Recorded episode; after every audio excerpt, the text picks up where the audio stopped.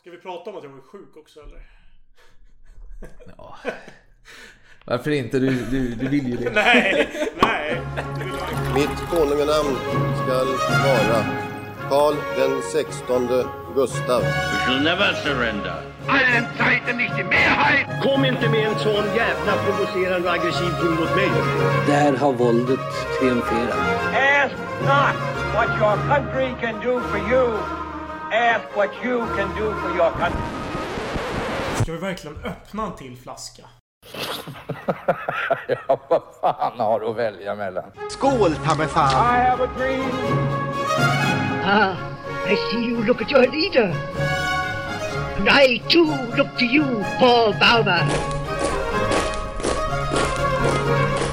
It's one small step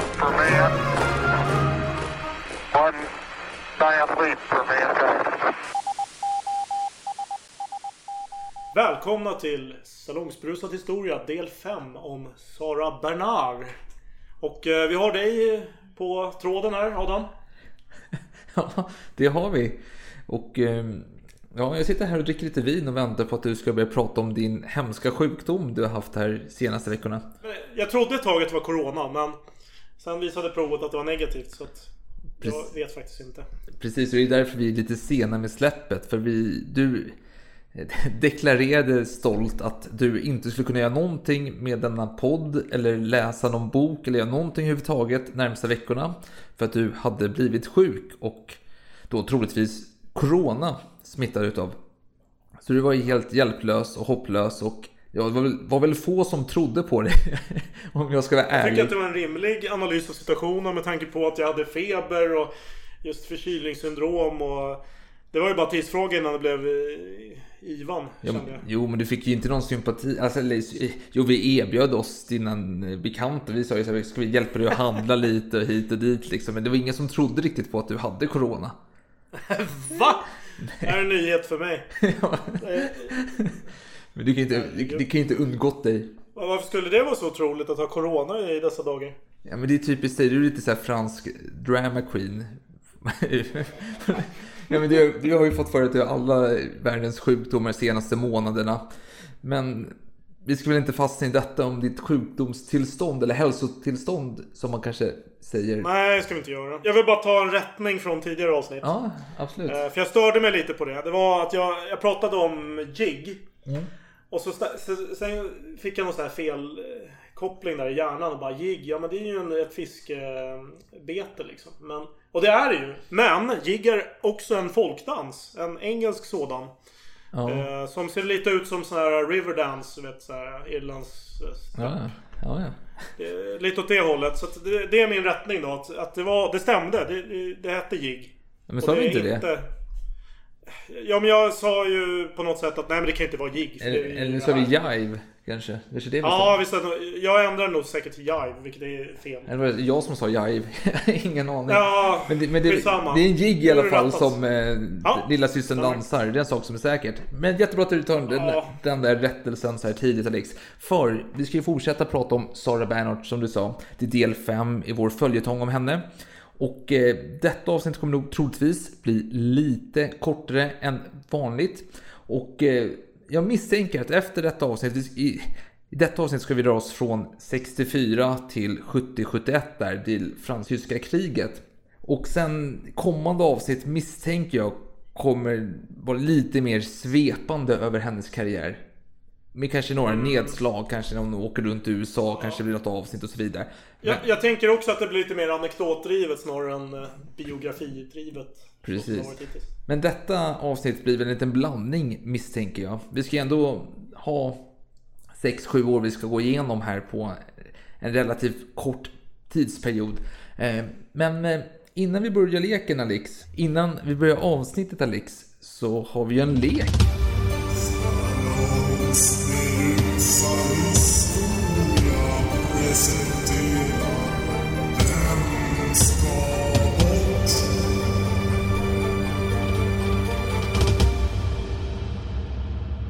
Det stämmer. Eh, Det var ju min tur nu att förbereda en sådan. Mm. Och din tur att svara. Är du redo? Jag är redo. Jag kommer läsa upp eh, fyra namn. Mm. Och ett av dem ska bort. Ja. Vi, vi börjar. Eh, Winston Churchill. Ja. Ferdinand Foch. Ja. Sitting Bull. Ja. Kapten Haddock. Oj, jag tänker ju bara genast direkt på Churchills anekdot om Foch som jag tror att jag har dragit någon gång i denna podd. Kanske. Om att han besökte Frankrike där och då eh, Foch blev, började rita på en tavla och väldigt yvig i sina gester och rörelser och väldigt dramatisk. Och jag tänker att Haddock är också jävligt dramatisk i sina rörelser. Han kan ju fäktas och svära och hålla på. Eh, Ja, visst kan han göra det. Foch svär ju inte så jävla mycket. Han känns ju väldigt eh, till Guds större ära. Han är ju fan jesuit. Eh, Sitting Bull har ju ganska låga kunskaper om. I- Indianhövding. Ja. Och eh, känd från slaget vid Little Big Horn. Han fick ju upp kampen sen mot amerikanerna eh, fem år senare. Precis. Cirkusutställd och död. Ja, han, han, Buffalo Bill och han- han var lite av en eh, revyartist eller vad, fan, vad man nu ska kalla det. Precis. Eller varieté, vad, vad kallar Ja. Ja, varietéartist. Ja, Nej, jag, jag känner att jag trampar klaver här. Så vi, vi, Ja. Jag tänker att det kanske underlättar för både dig och för lyssnarna att bara säga något kort om varje namn kanske. Eller? Men jag sa ju något kort nu. Ja, okej. Alltså, Okej. men, jo men alltså mitt resonemang som jag aldrig avslutade var ju att Sitting Bull och Churchill känns ju som många, två personer som sitter ner väldigt mycket. Medan Foch, han i och för sig sitter i sin lilla stuga uppe på en bergstopp och tittar på kriget. Och, men han känns ändå lite mer trimmad på så sätt. Och Haddock har ju ändå lite ja, men 40-plussares kropp. Eh, ändå lite vig, rörlig, alkoholiserad. Alkoholiserad är han ju och det var ju Churchill också. Men, men jag, jag får ju, jag, det blir bara så här tandem här, det blir bara par som jag får ihop. Jag får inte bort någon som ska bort. Eh, Sitting Bull känns ju spontant som att han ska vara kvar eftersom att det är en liten udda grej att ta med i sammanhanget. Eh, Foch skulle du aldrig vilja ta bort. Eh, Haddock är lite utav, eh, alltså det är lite, vet du, har lite en man crush på honom. Eh, Ja, han är en härlig eh, karaktär, det får man säga. men dock har ju eh, kapten Haddock är ju kapten. Eh, har ett ankare på tröjan, sin blåa, mys, riktigt mysig tröja för att säga att han har alltid den här lite, ah, vad säger man, vad, kallas han för? En polotröja va? Med Polotröja, blå precis. polotröja. Churchill var ju eh, minister för flottan. Mm. Eh, så det finns havsaspekten där. Sitting Bull, vad fan har han med hav att göra? Nej, det Nej, känns det, det- det att känns det eh, Men det, det är bra gissningar. Det går åt... Jo, och Foch har ju ingenting med hav alls att göra. Eh, Nej. Foch förlorade barn Ja. i kriget. Alltså, det, det finns en koppling till hav faktiskt, men jag kan säga att det är fel. eh, för, för det finns nämligen ett hangarfartyg som heter Foch. Eh, så jag tror Mm. franska flottan sålde den till Brasilien. Men det, det är alltså det har ingenting med den här leken att göra. Så att det, jag ska inte ge dig falska förhoppningar om att det är det som är kopplingen. Och kan det vara med alkohol då? Eh. Alltså det känns spontant som att du tycker att... Fast det känns konstigt att du vill att Churchill ska gå bort faktiskt. Eh, Men Sitting Bull, jag har svårt att tänka mig att du drar till något namn som inte hör hemma. Du skulle kunna ha sagt typ eh, Petain eller någon som du ville ha bort istället. Defatisten. Eh, ja. Det kan ju vara Nej, jag- en jag- eh, dubbelluring också. För att jag vet Ja, att du har det- resonerat så tidigare. Men nej. Jo, jo, absolut. Det kan mycket väl vara så. Men jag skulle bli överraskad om du gjorde så. Men eh, jag säger Churchill ska bort. Ja, då låser jag det svaret, eller? Nej, vänta, jag måste bara tänka. Jag kom på. Men du, men du är ändå lite svag för Churchill. Det här är svårt Alex. Det var riktigt svårt. Ja, det är Det ganska känns svårt. som att eh, sanningen finns där ute. För att citera Arkiv X. Chris eller? Carter, vet han? Ja, Arkiv X. ja, eh, Fox Mulder heter han. Eller Ja, jo, men jag karaktär. tänkte skaparen hette väl Chris Carter tror jag. Ja, det Till serien. stämmer. Ja, det stämmer. Och han hade ju bara, Fox Mulder hade ju bara en poster. Det var ju inte hans citat. Så. Jag får Nej, pu- nej, pula på det också.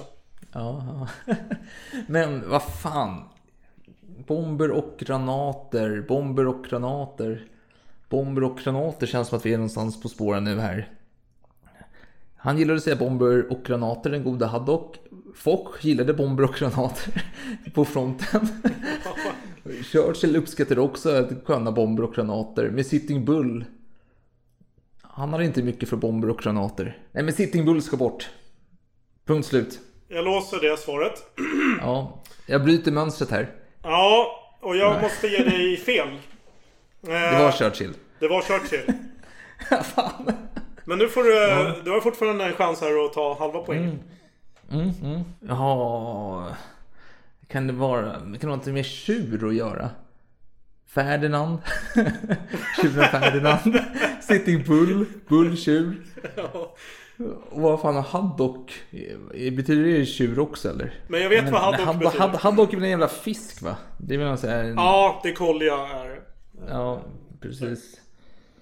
Så vad fan, det har ingenting med tjur att göra. Nej, han är tjurig. Där har vi det. Ja, det var tog bra den. försök. Jag tog den. Du hittade ju någonting, men det var, det var inte rätt. Eh, jag ska säga så här. Nu, nu är jag väldigt nyfiken här på att Ja. höra. Om jag säger pipa, vad säger du då? Ja, de röker... Men Gud. Herre Jesus. Den var ju värdelös. Vadå? Fredspipa. Ja, stämmer. Ferdinand Foch rökte pipa.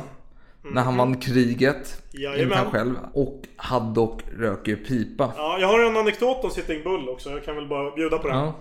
Eh, han var ju känd då för att ha vunnit slaget mot eh, general Custer i eh, Little Big Horn. Men eh, vid något tillfälle så blev han ifrågasatt att han skulle vara feg. Och då ska han ha tänt en pipa och då gått inom skotthåll då från amer- amerikanerna. Så de liksom började skjuta mot honom och han gick runt helt obrydd och bara rökte. Och så, sen efter ett tag frågade han bara är det någon mer er, är det indianer som vill stå här bredvid mig? Och då var det nog ett par liksom som vågade men de ville bara röka jävligt fort och liksom komma därifrån. Och efter det så, eh, ja, då, då tyckte man att ja, men han, han var modig. Den här Sitting Bull.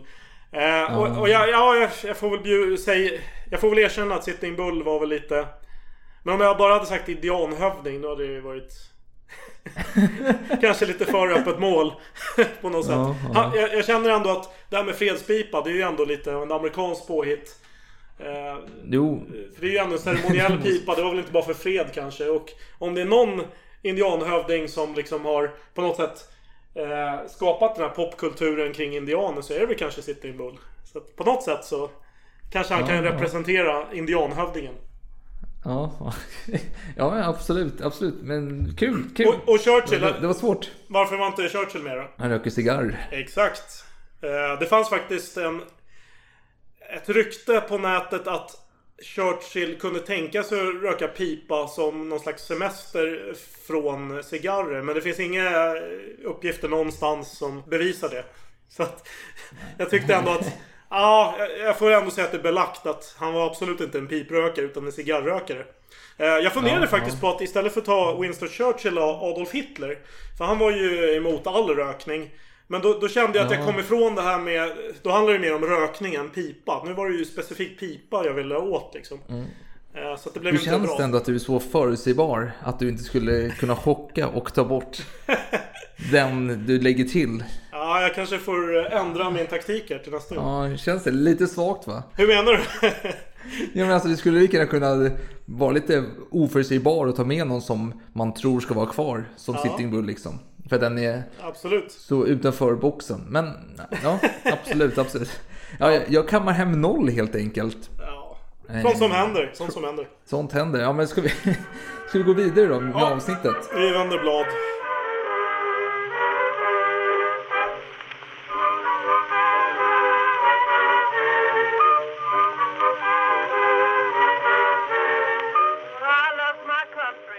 Vi avslutade senast när vi pratade lite om Sara Bernhards barn, eller hur hon blev gravid rättare sagt och vem som var fadern. Och hon har varit ute på en liten utlandstripp då. Och hon kom tillbaka år 1864 till Frankrike, sitt kära Paris. Och eh, mellan de här åren, 64 och 66, så deltog Sara faktiskt endast i en pjäs på en teater där. Eh, en lite mindre teater i Paris. Och eh, med en pjäs så kan man inte försörja sig så lätt kan man ju tycka. Men kanske man bor hemma hos sin mamma kan någon invända och jo, det kan man göra. Men för Saras del så var det dags att flytta hemifrån. I alla fall i tanken. För hon kom ju hem efter utlandstrippen och sa till mamma jag vill flytta till en liten lägenhet här i närheten. Och eh, mamman tyckte väl att det var en skitbra idé. Och in i rummet då kommer eh, Saras lilla syster Redina in och hon vill också bo med Sara. Och Sara är lite skeptisk och mm, tittar på sin mamma. Eh, och mamma ger henne en blick och säger sen ta henne, hon är outhärdlig. Så Sara sa att det var okej okay. och lilla systern gör som hon brukar göra. Hon börjar dansa en jigg och eh, vänder sig till sin mor och säger då Du är glad att jag flyttar, visst är du? Nu kan du ge allt till din Chan, alltså den andra systern som hon älskar så mycket. Och mamman log och lutade sitt huvud på sin andra dotter Chan och sa Ja, vi två kommer stanna tillsammans. Och lilla systern Regina dansade en jigg och fortsatte dansa och sa och vi två tillsammans Sara, vi två tillsammans. Och dansade på och Sara kände väl lite, ja, lagom road. Men hon tog med sig sin lilla syster helt enkelt. Men att bo själv med sin lilla syster kanske inte heller är så dyrt. Man tänker en liten studentlya någonstans i närheten. Latinska kvarteren kanske. Men nej, så är det ju faktiskt inte för Sara. För hon bor ju med klass. Så för henne var det dyrt att flytta hemifrån. För hon hade med sig en kock, hembiträde, barnflicka. Och varför har man en barnflicka för? Jo, för hon har ju sin lilla unge Maurice som ska följa med också. Det är intressant. För i hennes självbiografi då nämner hon egentligen bara någon eh, hushållerska som heter Caroline. Och den här mm. kocken. Men du nämnde ju faktiskt tre stycken anställda. Så att det här med barnet har ju inte ens kommit in i bilden känns nej, nej, det är hennes biografi. Men hon, hon har ju faktiskt fött en unge här. Jo, jag vet, men hon har inte skrivit om det än. Nej, nej, nej. nej, nej, nej. Och hon har ju även en annan, alltså Josefin som är en av de här biträdena heter som men, bor hos henne också. Alltså min poäng, var, min poäng är att i hennes egen självbiografi så nämner hon inte alla de här anställda. Eh, som Nej, hon gör i den här boken som du har eh, tittat på. Eh, och det tycker jag jo, Det är mycket hon inte nämner i sin biografi. Ska, ska, vi, ska, vi, ska vi inte trycka lite på det då? Okej, okay, här har hon utelämnat den detaljen. Faktiskt. Jo. Jo men alltså hon utelämnar ju ganska mycket under de här två åren som vi pratar om. Ja, vi har ju hon... hennes gudfar också. Han, eh, vad heter han? Du Morny, den där eh, hertigen. Nej, nej, det är inte gudfar. Men, var det, det var Regi som var gudfar. Men han, hon hade väl flera gudfäder? Duktig Moni var ju mammans eh, Jo men alla var ju mammans älskare. älskare. Alla var ju mammans älskare. Nej, alla hette gudfäder. Nej men Duktig Moni var, hade ingen relation till henne på så sätt. Eh, Nej, det, det är ju spännande att hon ändå hon kommer i kontakt med Napoleon den tredje. Som råkar vara halvbror till den här Dumoni. Det är ju ändå lite mm. anmärkningsvärt. Jo, jo, men fan. Det, så är det. Men låt mig återgå till det andra. För eh, eller vill du säga någonting om Duktig Morni mer än att Nej, han, han, dog, han dog 1865. Så under den här perioden. Ja, ja. Och det nämner hon inte heller i sin biografi ska tilläggas. Så, så viktig var hon inte för henne kanske. Mer än att han fixade in henne på skolan och hennes första teaterjobb då på mm. Molière-teatern, Comédie Française. Men i alla fall under denna tid, hon hade den här rollen hon spelade och ja, det var en liten Alltså, det var inte riktigt tragedi eller något storslaget. Det var lite mer spektakel. Hon fick sjunga lite och hon sjöng falskt men fint tydligen. Eh, men för att försörja sig så hon började under denna tid spela sin stora roll som kurtisan. Det var inte en roll teaterroll, alltså på teaterscenen. Det kanske var en teaterroll, men det var i verkligheten. Hon, hon tränade på sina entréer och hon skulle skratta på rätt ställe och gråta på rätt ställe och vara skärmig och säga de rätta sakerna. Eh, hon var något speciellt sägs det. Men i alla fall, hon började se nyttan med att dejta och umgås med eh, lite teaterrecensenter till exempel som hon hade missat förra gången det begav sig då hon fick dåliga recensioner. Och då hade hon inte alls lust att hålla på och umgås med dem kötsligt. Men nu har hon ändrat sig och tycker att detta kan ju vara mig till nytta kanske. Men det var någonting som hände nu efter att hon hade fött det här barnet. För tidigare hade hon varit lite motsträvig mot eh, att leva som sin mor om man säger så. Jo, hon hade väl testat på lite här och där enligt eh, vissa källor. Ja, hon utelämnar mycket i biografin såklart. Så att, Precis. Så kan det vara. Ja, men hon hade inte alltid... Hon var inte alltid så bra på att betala lön till sin personal. Så det hände ibland att de fick ta möbler från hennes våning eh, istället för pengar. Då. Och då fick ju de här, eh, eh, hennes älskare, de fick ju ersätta henne mer eller mindre. De sa, oj här saknas en byrå men jag, jag, jag skeppar över den till dig istället. Det är kul att du pratar om hennes lägenhet och de här möblerna för att hon hade ju eh, tydligen fått eh, massa möbler från Holland skickat till sig från sin, eh, vad blir det, mor, mor blir det va? Ja. Och hon hade liksom Har hon, hon börjat fått in pengar nu? Nej det har hon inte. Kanske Jo, ska- på kurtisanyrket får ni... Ja, men då kanske vi ska... Då kanske vi ska nämna det att hon har ju börjat eh, smycka ut sin lägenhet ordentligt. Nu har det blivit riktigt jäkla... Ska man kalla det? Väldigt excentrisk lägenhet fullt med massa dyra möbler och eh, exotiska djur också. Du har ju de här Mm. sköldpaddorna till exempel. En som var eh, utsmyckad med massa juveler. Och- Och sen hade du en annan sköldpadda som skulle vara den, den första sköldpaddans tjänare. Enligt Sara själv då. Jo, och enligt Sara är det väl att de har samlat på sig slösat alla sina pengar på detta och pengar har hon ju fått från teaterbranschen underförstått. Mm. Men det kanske finns en annan sanning till det också att de här möblerna och pengarna kom från andra källor och inte teaterscenen helt enkelt.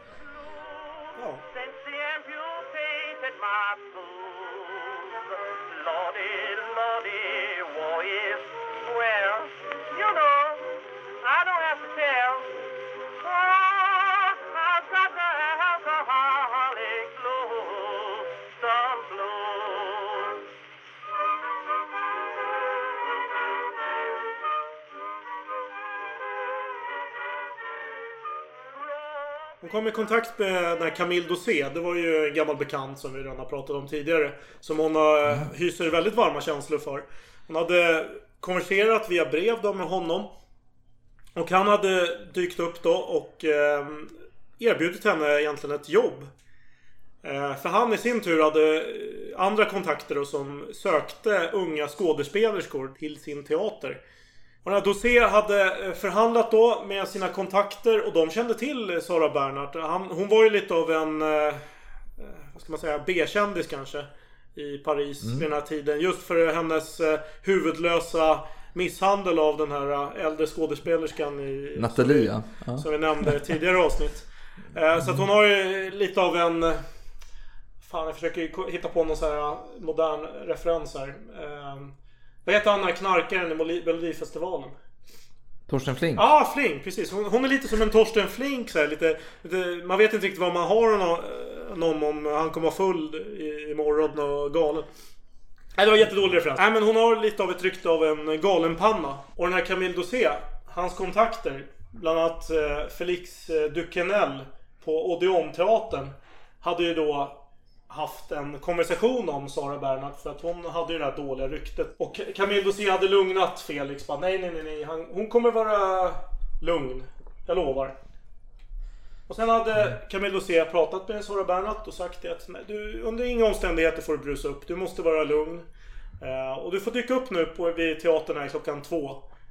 Och så gör du en audition då. Så får vi se om det blir någonting av det här. Och Sara tackar Camille och eh, ser till att vara där prick klockan två. Mm. Men ingen är där. Punktlig som få. Ja, det, det är ingen som är där klockan två.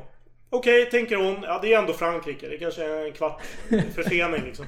Ah, Hon kollar på sin klocka. Det hinner gå en kvart. Det hinner gå en halvtimme. Sorbonnekvarten. Ja, det hinner till och med gå 45 minuter. Till och med en timme. Och nu kokar Sara av ilska. Men då Vem ska hon spöa på? Vad sa du? Vem ska hon spöa på? Precis. Ah, och så dyker upp någon jävel bara ah, jag ska spöa skiten nu. Och vänta nu. Då fick hon upp eh, Camille Dosés eh, väna ansikte i huvudet. Och hon lugnade och stillade sig. Mm. Eh, och då dök en trevlig ung man upp. Eh, och Sara var glatt överraskad. Och det var den här Felix Duquesnel då. Mm.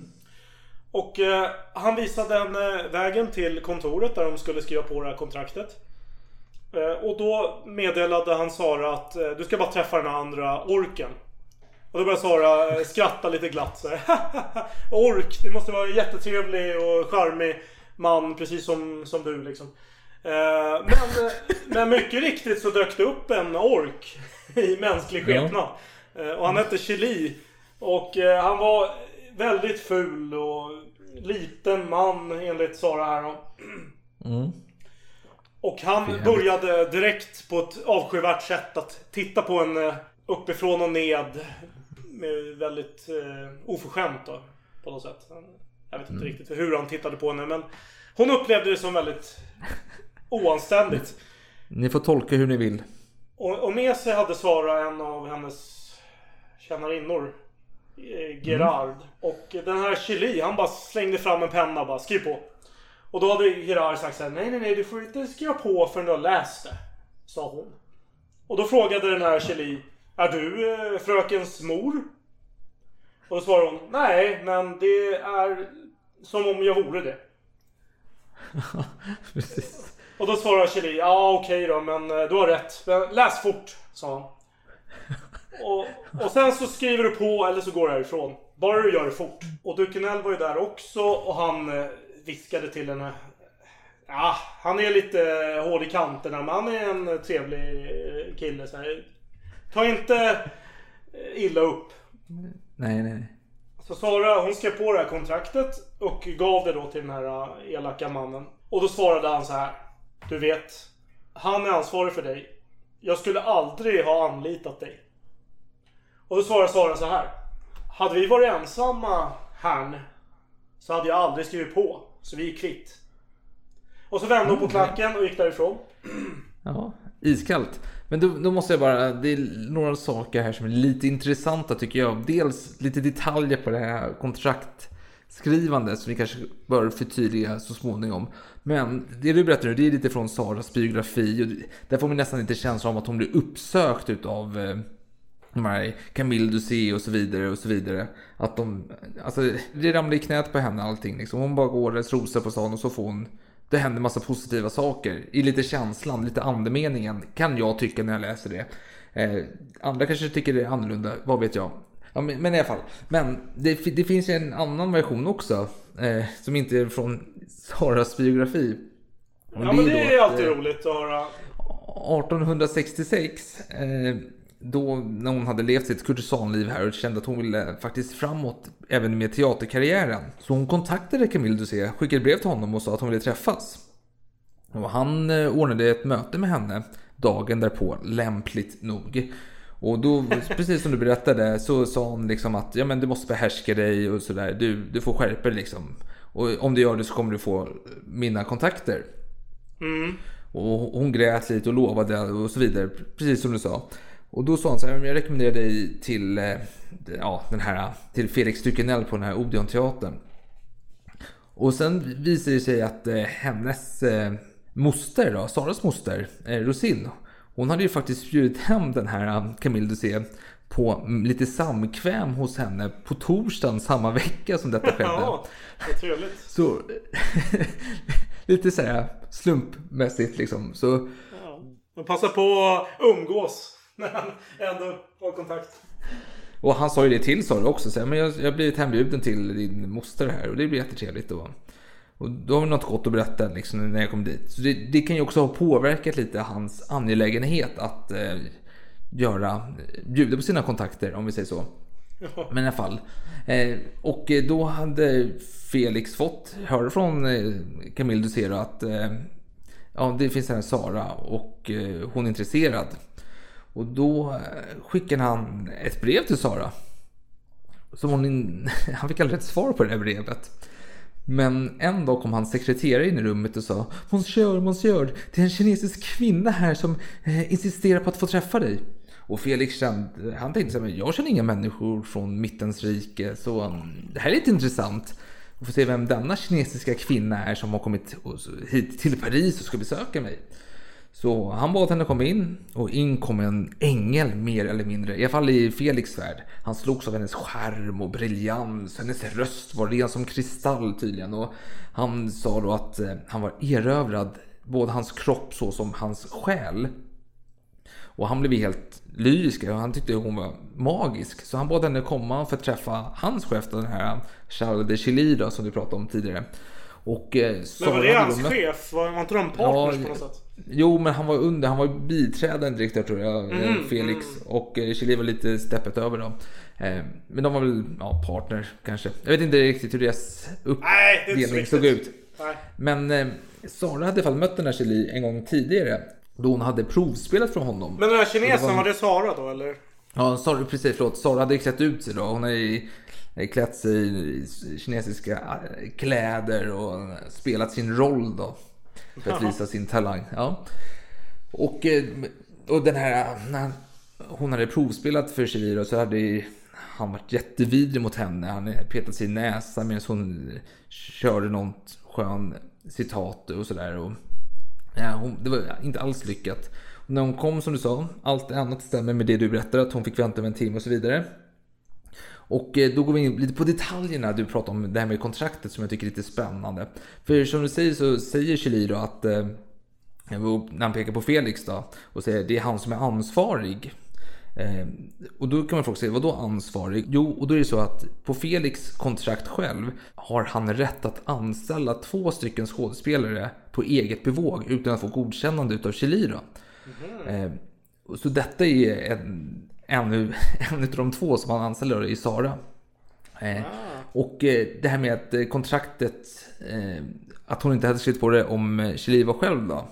Det kan låta lite konstigt eftersom att visst hon gillar inte Chili men är det ett bra kontrakt så är det ett bra kontrakt. Men det här kontraktet var inte speciellt bra. Det var ju smått förnedrande kan man ju tycka om man är lite känslig lagd. För det var på en månad och det förlängs endast ifall de tycker att hon gjort bra ifrån sig. Så lite mer som en provanställning i mindre skala. Helt enkelt. Eh, det var bara de kulörerna jag ville färglägga med här lite om Mm. den historien.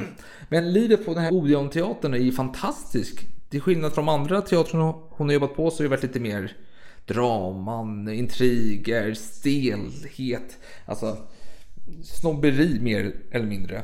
Men på Odeon-teatern var ju livet fantastiskt. Alla Ja, hon trivs ju jättebra där. hårt. Ja, ja, man pratar teater, man pratar yrket, man går ut i Luxemburg i parken och eh, ja, vad fan man gör där vet jag inte. Men man har picknick säkert. Man har Kanske jätte- lite boll och sånt där skit. Ja. De har ju jättebra publik också. Man har ju...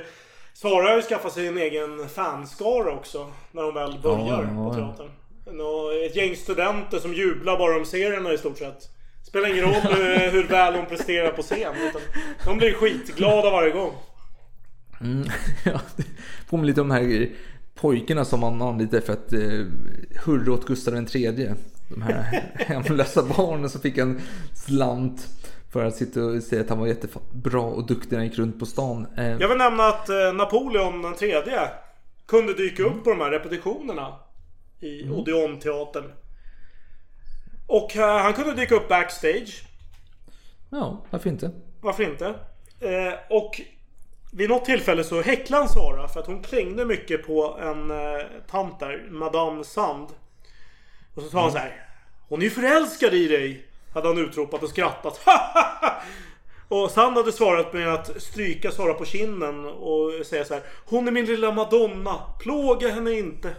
Och Sand då, det är George Sand. Eh, George, alltså det är en kvinna som har eh, pseudonym George Sand och som är en stor dramatiker och författare på den här tiden. Eh, finns mycket speciella historier om henne. Jag tänkte återkomma till henne lite senare i historien. Men hon är väldigt känd och hyllad på den här tiden. Ja, och vid det här tillfället då, då hade en anarkistisk artist dykt upp i Green Room. Eh, Medan eh, de pratade där och, och, och då hade den här eh, artisten sagt Ni sitter på mina handskar, sir. Och Napoleon hade knappt rört sig. Han drog ut handskarna och kastade dem på golvet. Så sa han så här. Jag trodde sätet var rent. Och artisten hade plockat upp handskarna och mumlat några revolutionära hotelser. Och sen gått därifrån. Ja, att han gick med huvudet i behåll är ju intressant. Ja, det var bara en inblick i vad som kunde hända backstage. Helt enkelt. Ja, ja men, vet, men det är känslor, känslosamma eh, dramatiker här, alltså skådespelare. Mm. Ja, gud, ja. Känslorna på eh, utsidan. Ja.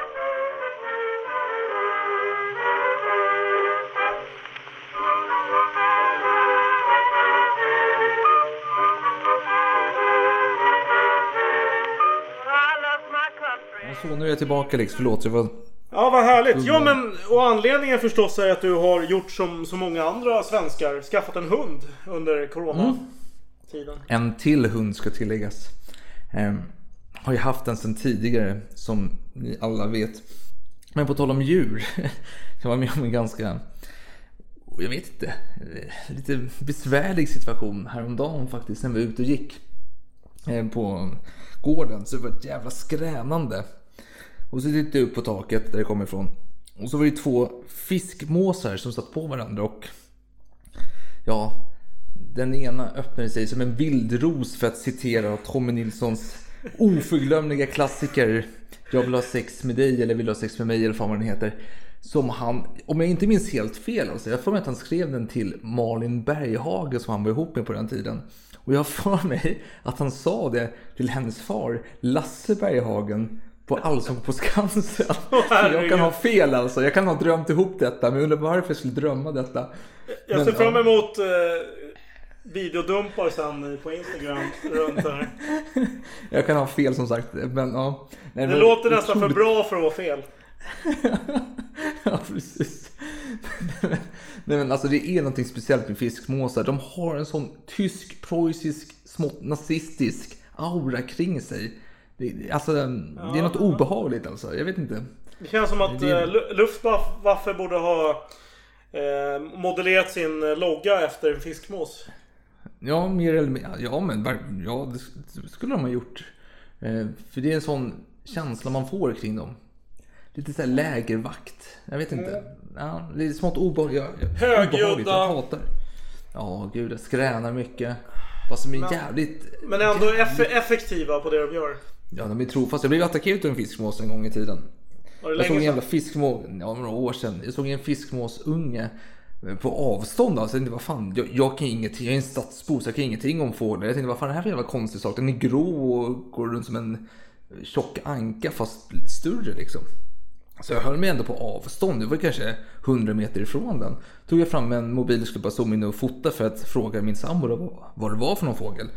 Och helt plötsligt så bara scannar det från skidor och så störtdyker en jävla fiskmåsmamma ner mot mig då. Oj. Och, och flyger Ja. precis över huvudet och skiter ner hela mig. Det var, det var som att möta Fonk på slagfält alltså. ja, mer, ja, precis. Eller Göring kanske. Mer... Ja, eh, men båda, båda var ju effektiva. Det var de jo, precis. Jag Träffade de målet? vilken- Träffa, träffade må- måsen målet? Ja, den träffade både mig och min Ja, dåvarande hund var, träffade den också. men det var Fonk. Det var Fonk. Båda vi var ju nerskitna och så jag tänkte så här, vad händer liksom? Så här, var det bara så här, okej alla kan bli eh, nerskitna utan en fiskmås. Det är inte helt ovanligt liksom. Så jag tänkte så här, oj gud, det var lite läskigt men det var bara säkert slumpen. Och så vänder den där framme och störtar ner mot mig igen och attackerar. Alltså, kör mot, ja, den är ju en bit ovanför mitt huvud fortfarande men den störtdyker mot mig. Så jag får ju springa och gömma mig under ett jävla träd. Och Du, jag, du, jag, är ja. jag, är, jag är fascinerad över att eh, det, sättet de angriper dig på, det är genom att släppa sin last liksom. Det är verkligen bombflyg. Det är inget, det är inte att de försöker hacka på det eller någonting, utan det är, det är bara släppa bomber. Det är så här Ja, Stucka-stilen här. Ja precis, så jag stod under ett träd så kom det en jävla unge som åker runt på här sparkcykel och äter klubba lite så här puffiga sojakinder. Och bara, "Ah, jagar den dig eller? Och jag, jag bara, fan nej det gör den absolut inte. Så tänkte jag så nu ska jag gå vidare liksom, för nu har den försvunnit. Jag stod där kanske fem minuter under trädet. Så gick jag och direkt så kom den jävla mamman igen och störtdök mot mig. Så jag fick ju springa in till porten. Och zigzacka mellan olika träd för att skydda mig där. Det var en riktigt traumatisk upplevelse. Jag har ju fortfarande när jag går ut och det är så fiskmåsar runt omkring. Då blir jag alltid så här, vad är närmsta träd som man kan gömma sig under eh, trädkronan och ifall de skulle vilja något ont. Jag Men- måste men- fråga, är du ornitolog? Nej, det är jag verkligen inte. Varför var det en mamma och inte en pappa? För pappor bryr sig väl inte om sina ungar. vi, vi låter det här vara slutordet här och så går vi tillbaka till avsnittet tycker jag.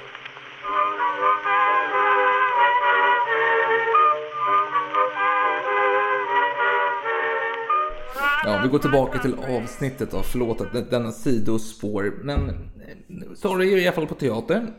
Odeonteatern. Hon tri- Ja, stormtrivs på denna teater. Ja, Precis, men något tråkigt hände för Sara har ju hela sitt liv haft två stycken människor, inte sin mamma och inte sin moster utan två andra människor. Gerard och någon annan, jag kan inte uttala det här namnet, Brännbander, något, sånt Br-. Brabander eller Brabander eller något Ja, sånt där. ja, jättejobbigt. Men nu var hon sjuk i alla fall och utav en... Ja, hon låg ju då på klostret där Sara hade tjänstgjort, höll jag på att säga, men hade gått eh, i skola då. Grand Champ vid Versailles. Där låg hon nu och var dödssjuk. Så Sara åkte dit för att hälsa på. Hon gick in i rummet och såg hur hon låg där med ja, dödskamp mer eller mindre. Hon tittade på, bredvid bordet var ett vattenglas med eh, den här gamla damens eh, tänder som låg i det här vattenglaset. Och jag vet, som jag tolkar det så la Sara blommor i samma glas som de här tänderna låg i. Varför hon nu gjorde det, men ja, det kanske var ett annat glas. Men hon la i alla fall blommor bredvid henne Vi, i vi, ett kan, glas. vi kan ju nämna kanske att hon först inte kände igen Brabander. Eh, hon tittade lite så oförstående på henne. Och då tittade Brabander tillbaka. Och så gav hon en någon slags eh, hint om att Nej men titta glaset där borta. Och så kollar Sara i glaset. Ah!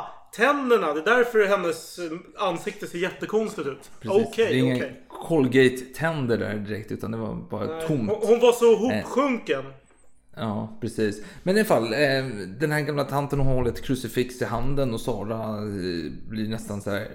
Hon blir, ja, vi vet ju förut hur hon ville bli nunna och nu är det lite samma känsla. Hon, vill, hon längtar ju nästan till att själv dö för hon tycker det är så magiskt detta, denna stund. Eh, Ja, men vi ska väl ändå nämna, hon dör dör ju inte vid det här tillfället. Och Sara kommer tillbaka varje dag under en väldigt lång tid. Precis som du säger, alltså det här var ju det, det var inte så att det var dödskampen att hon dog samma dag som hon kom dit första gången. Utan det tog ju ett tag, det var några dagar mellan eh, första tillfället och eh, själva döden då. Men så fick Sara en kallelse när hon gick på gården där att oj nu är det dags, nu kommer hon dö här. Så Sara sprang upp dit i rummet och såg hur den här um, gamla damen dog helt enkelt. Man brukar säga att när folk dör så får man alltid ett fridfullt ansiktsuttryck. Eh, men det här var ju motsatsen för eh, med, tack vare den tandlösa munnen så hade, hade läpparna åkt in, sugits in mer eller mindre i munnen och eh, hon hade börjat, börjat växa mustasch och skägg och hela kittet på den här gamla damen. Någon, var det, Alex, var det någon centimeter eller vad var det hon häv- hävdade? Ja, det var några extrema beskrivningar av, om hennes hårväxt. Eh, Hon var ju känd sedan tidigare och haft någon slags mustasch. Det har ju Sara tidigare berättat om. Men här var det liksom eh, långt jävla skägg alltså. Jo, men det såg ut, hon såg ut som en man helt plötsligt. Inte Ja precis, det var en mans ansikte. Exakt. Och då var ju systrarna blev jätterädda för detta. De tänkte, vad, vad, är De gjorde, de gjorde korstecknet och fick panik. Ja, ja. Men sen skulle man ju byta kläder på henne då och sätta på henne lite likkläder eller något lite mer trivsamt som man har med sig in i kistan. Och då kunde de konstatera att det var faktiskt en kvinna och ingen man. Denna gamla dam då. Eh, och- Sara, Sara var inte med under den här kontrollen. Nej, nej, nej, nej, nej. Nej, verkligen inte. För dagen efter det här dödsfallet, då var det ju premiär för Sara på Odeonteatern. Men du, förlåt. Det är ändå anmärkningsvärt att man var tvungen att bekräfta att det inte var en man. Någon har ju ändå uppenbart kontrollerat och bemödat sig att informera andra om att nej men jag har kollat, det var ingen man. Ja. Jag men tycker det ändå det är värt att nämna. Jo, men det finns en historia om en, en fransk diplomat, eller ambassadör som var under Solkungens tid. och så Ja, till ja, ja, England. ja. Ja, men det kanske blir ett avsnitt Det är i ett eget framtiden. Så vi, avsnitt. så vi säger inte så mycket om det. Men det, Vi säger inget mer om det. Det snuddar det här ämnet i alla fall. Kvinna, man, vem vet. Eh, Men i alla fall. eh, Dagen därpå så var det dags för premiären då. På den nya teatern. Och allas blickar var på Sara. Och hon kände själv att det här var inte min bästa insats. Det här var faktiskt ganska dålig insats. Och det kunde den här Shelley bekräfta med någon eh, slags ehm, pik mot henne. Ganska udda Mm. pik. Så jag kommer inte citera den för jag har inte själv förstått den riktigt. Eh, här duken... Det är jävligt pretentiöst när man levererar en sån svår pik. Som, som gemene man inte förstår. Ja, den var svår. Eh, Dukenell i alla fall. Han dyker upp och han är ju snäll och trevlig. Och han... Ja, Förlåt, förlåt, förlåt. Ja. Säger, jag säger Felix, du säger Ducunell, men det är samma person. Ja, alltså Felix ja, Ducunell. Fe, ja, ja. ja. Felix Dukenell dyker upp. Och han är ju trevlig och charmant som vanligt. Men han ger ju inte henne beröm för det här uh, uppträdandet. Men han är ju ändå positiv. Så han säger så här. Åh, du har en så vacker röst uh, Sara. Och jag ser verkligen fram emot nästa föreställning. Ja, Som att den här jag föreställningen var en katastrof. Ja, då måste jag bara bryta in här. Det där är ju som återigen Saras berättelse, hur det gick till. Det finns en annan berättelse om det hela. Och det är då att eh, Chili säger till Felix att eh, ja, jag sa ju det. Det här är ett fiasko. Hon, hon, ska, eh, hon har fått sparken liksom. Gör, gör av med henne liksom. Och Felix bad om nåd och så att hon måste få stanna. Hon måste stanna. Hon, ge henne en till chans. Och eh, jag kan betala en del av hennes lön. Eh, vilket han gjorde då också. Och detta skulle vara en hemlighet. Men eh, den här hemligheten spred sig eh, i teaterbranschen. Och det var så att de inledde en relation med varandra. Den vackra Felix Ducanel och Sara Bernhardt. Så det Ja. var därför hon fick möjligheten att göra en till föreställning enligt Var- andra källor. Var det därför han var så vacker också i hennes självbiografi? Ja, jo. Hon återkommer till det väldigt mycket. Att han är väldigt vacker. Otroligt vacker. Ja, ja. Men hur gick det med hennes andra, andra föreställning då? Ja men det går bättre. Det, det, jo men nu börjar det gå bra här. Han, Sara fick ju... Vänta, vänta, vänta, förlåt, förlåt, förlåt, förlåt. Alltid när det går dåligt med hennes pjäser, då berättar hon ju alltid att hennes klänningar aldrig passar. Har du tänkt på det? Nej jag har inte tänkt på just det faktiskt. Det är sant. Det har jag inte gjort. Nej, Men men- eh, jag vet att hon är väldigt besatt av det här med kläder. Jag har ju liksom på något sätt eh, ignorerat. Nej men jag, jag har liksom zonat ut när, när hon snackar om sina kläder. Faktiskt. Men, Nej men alltså den här fiaskot, hon hade ju på sig någon klänning som såg jättelöjlig ut på henne och det var trikolören. Ja, men, men rätt ofta, hon är ju väldigt, vad ska man säga? Allting är dåligt när någonting är dåligt, eller hur? Alla är fula, allting är hemskt. Jag, jag menar, jag tar inte fasta på en detalj där. När, när allting Nej är men det, negativt, men, det, så men det är alltid så att, att hon ser löjlig ut i kläderna. Hon, hon är för tunn Mm. eller kläderna ser för löjliga ut på henne.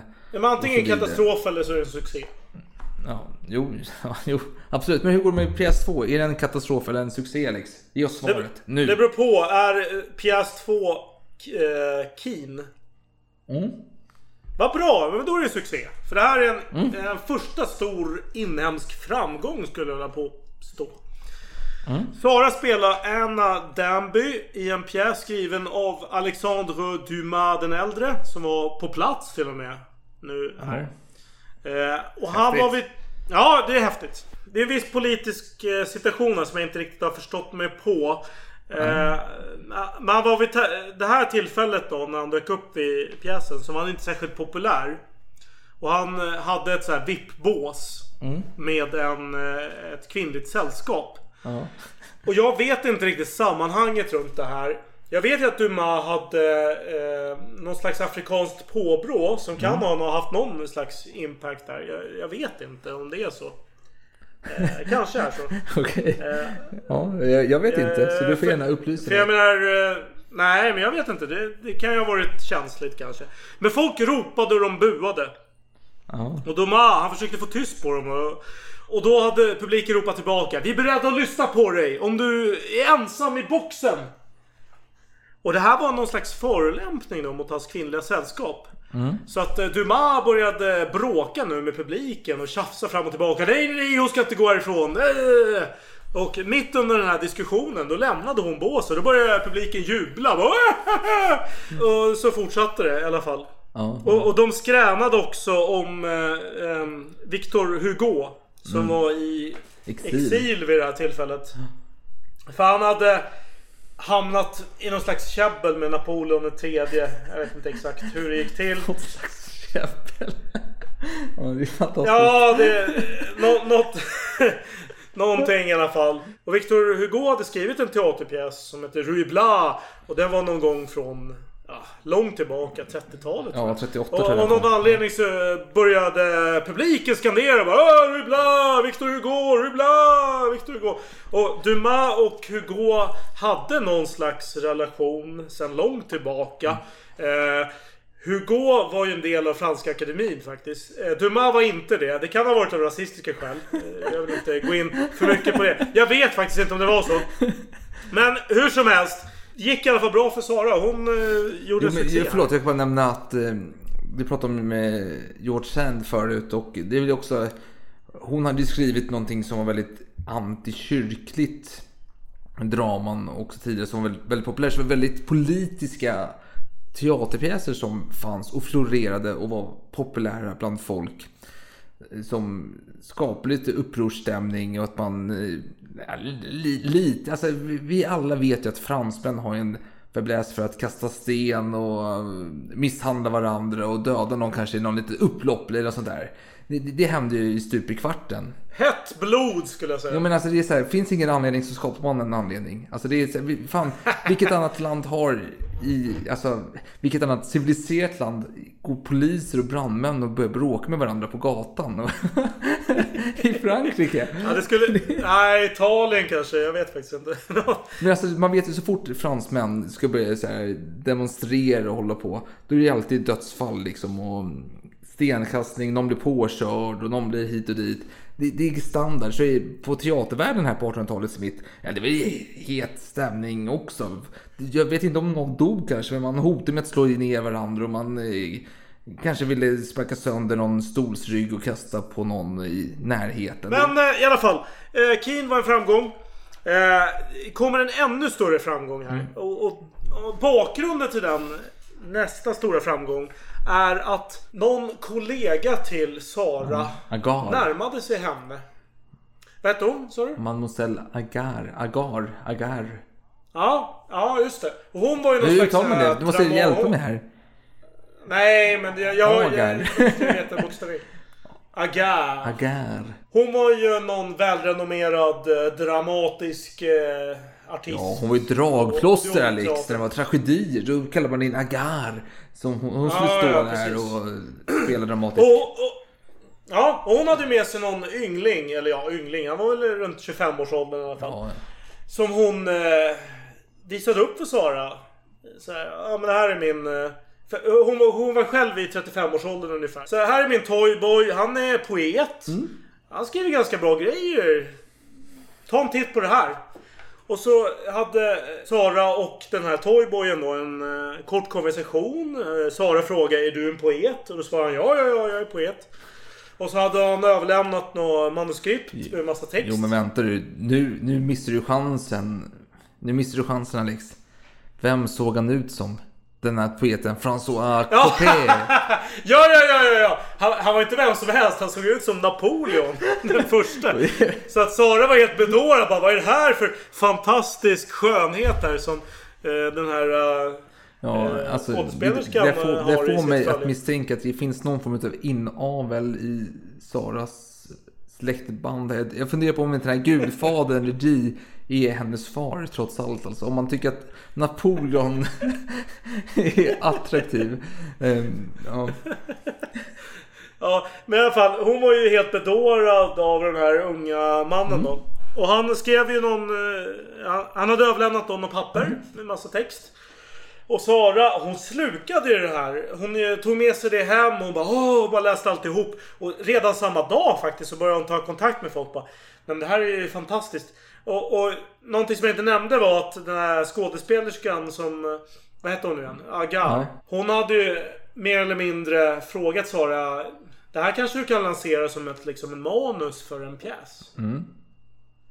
Eh, och Sara hon, hon var helt... Hon, upp över huvudet förälskad i den här fantastiska texten. Så hon började direkt eh, dra i sina egna kontakter. Bara, "Nej, men, "Ja, jag har det jättebra här. Snälla läs det här. Läs det nu på en gång. Du får inte vänta. Eh, jag tror det kan ha varit Dukenell. Jo, det var som Dukenell hon, kontaktade. Ja. Och- Och han, Han- han, bara, han- han- "Men, kan du inte vänta? Kan du inte... Han var ju på väg hem för dagen. Han gick ner för trappan. Ja, och hon bara kan- Kan tillbaka. vi, jag, jag läser det imorgon, jag läser det imorgon. Och så Sara bara nej nej du ska läsa nu! Du måste läsa nu! Mm. Och då gjorde han ja okej ja, ja, det här, är, det här är bra, det här är bra. Och sen blev det någonting av Jo men Alex. Det blev en pjäs. Ja, Alex, Alex. Eh, förlåt att jag avbryter här. Men ska vi inte, inte dags att vi läser mellan raderna här. In kommer en stor, stor stjärna. Agar. Dragplåster för tragedier för teatern. Och hon ber Sara göra skitjobbet och lansera denna pjäs hos eh, ledningen på Orionteatern. Sara är ju lite mer som en B-skräckskådis. Kanske börjar gå mer lite mer seriösa Hollywoodfilmer här om man ska jämföra. Liksom, att man har gått från någon eh, halvtaskig tysk eh, splatter indiefilm liksom, och nu får man ta stora steget i någon Bad taste. Ja, ja men ungefär. Nyzeeländsk förvisso, men absolut. Ungefär bad taste. Eh, och sen nu får man gå och testa lyckan på lite större scener här. Eh, så är kanske... Scream. Ja, ungefär. Liksom. Man kanske har en biroll i Scream. Man kanske är någon som blir dödad eh, som nummer två liksom, i den filmen. Ja, absolut. Men varför ska Sara då gå till Felix här och säga att den här pjäsen är jättebra? Varför kan inte hon göra det själv? Hon som är den stora stjärnan som borde ha lite inflytande. Det är väl för att hon har för nära relation till den här mannen antar jag. Hon vill liksom eh, frikoppla sig lite från... Eller är det för att Sara, som det påstås, hade en sexuell relation med Felix? Ja, det låter ju också rimligt att... Jag känner inte Felix men jag vet att hon ligger med honom så jag tar kontakten. Men, men bara för att... För, Men då måste men, det, men Ag- Agar måste då ha någon slags tilltro till Sara att hon ändå har jo, någon men slags... Sara har blivit erbjuden ena rollen. För, för, vi- förlåt, vi måste bara nämna att vad pjäsen handlar om. Det är en eh, renässanspjäs. Eh, vad kan man säga? Det, det handlar om en kurtisan som ska, när Agar ska spela kurtisanen som blir uppväckt av en dur som heter Sanetto som Sara ska spela. Och det utspelar sig i Florens under renässansen, någon liten trädgård där. Och eh, det är bara för att lägga till här att eh, när, när Felix läste det här, han blev helt, eh, han blev helt slukad han också. Så vi måste sätta upp denna. Men hur gör vi med dekoren? Och då, för Kjell vill inte sp- spendera massa pengar på den här skiten. Och Sara började namedroppa massa gamla pjäser. Det finns dekor kvar. Vi kan använda det. Vi kan pussla ihop någonting här. För, jo, för det var, det var ett, en annan pjäs som blev ett fiasko. De var tvungna att avbryta efter typ en föreställning. Så de hade dekoren kvar och de ville absolut inte äska pengar. Men då hade man ju då så man kunde återanvända. Det var ju sann eh, åt, fan, recycling. Ja, verkligen. Ja, verkligen. Men sen sa ju Sara också, pr- prata om klänningar hit och dit. Det skulle kosta pengar och Kjell vill inte spendera pengar på det. Och då kom hon på att jag och den här Agar kan ju ta våra egna kläder, våra klänningar och så vidare. Och, eh, och det var ju vanligt att man gjorde det på den tiden, att man bidrog med sina egna eh, ska man säga, rekvisita. Men i alla fall, och då eh, skjutsade Sara hem Felix till Felix, hör och häpna, fru. Eh, och då, eller Felix sa så här till Sara, följ med mig in till min fru och så kan ni diskutera klänningar hit och dit. Och Sara pussade hans vackra ansikte som tillhörde frun då. Och så gick hon in och pratade med frun, de pratade om klänningar, hur de skulle se ut och så vidare. Och de var överlyckliga och det blev en pjäs, en föreställning. Detta är Saras version. Sen finns det en annan version om det hela, hur själva teaterdirektörerna minns det hela då. Eh, Felix och eh, då. Och det var då att själva Agar kom in själv. Med, stor drama kom hon in på deras kontor och sa att hon hade upptäckt ett mästerverk. Hon hade hittat det. Och då sa Chili lite skeptiskt, hmm, i vers eller? Och då svarade hon, i beundransvärd vers. Och Chili bara, ja, jo men vad fan. All vers är väl beundransvärd. Eh, hon bara, nej men du måste läsa den. Han bara, nej, men, nej jag vill inte liksom. Men läs, läs. Och han läste den till slut och föll för den direkt. Han tyckte det här är ett mästerverk. Det här måste vi göra. Och vem, vet vem som kan passa för den här rollen som Sanetto? Och då sa den här Agarda, men det, Sara kan vara henne. Sara kan vara henne. Och då blev det en pjäs. Så det finns två olika sidor på myntet här. Ja. Antingen var det Sara som pushade för den eller så var det Agar själv som puss, eh, inte pussade men hon pushade för den. Fast Agar var ju ändå den som pushade för. På något sätt. Jo, jo. Det var ju därifrån det kom. Jo, jo absolut. Men eh, Men i alla fall. Eh, Le Passant, det är ju alltså det är en stor succé.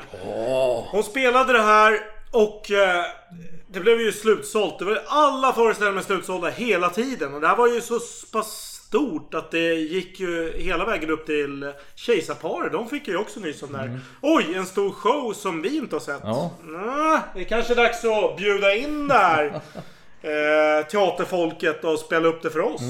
Tänkte de. Och det var precis det som skedde.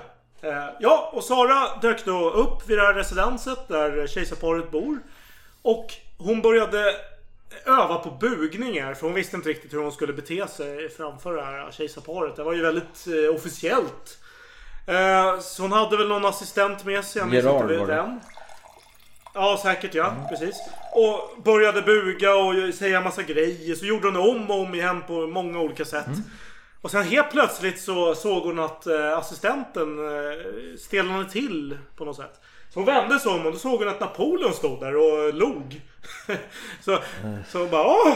Eh, och då började hon buga sig igen. Men då sa Napoleon nej nej nej den senaste bugningen du gjorde var bra. Så här. Spara dina bra bugningar till kejsarinnan. Visst var, visst var det något Ja, ja, absolut. absolut.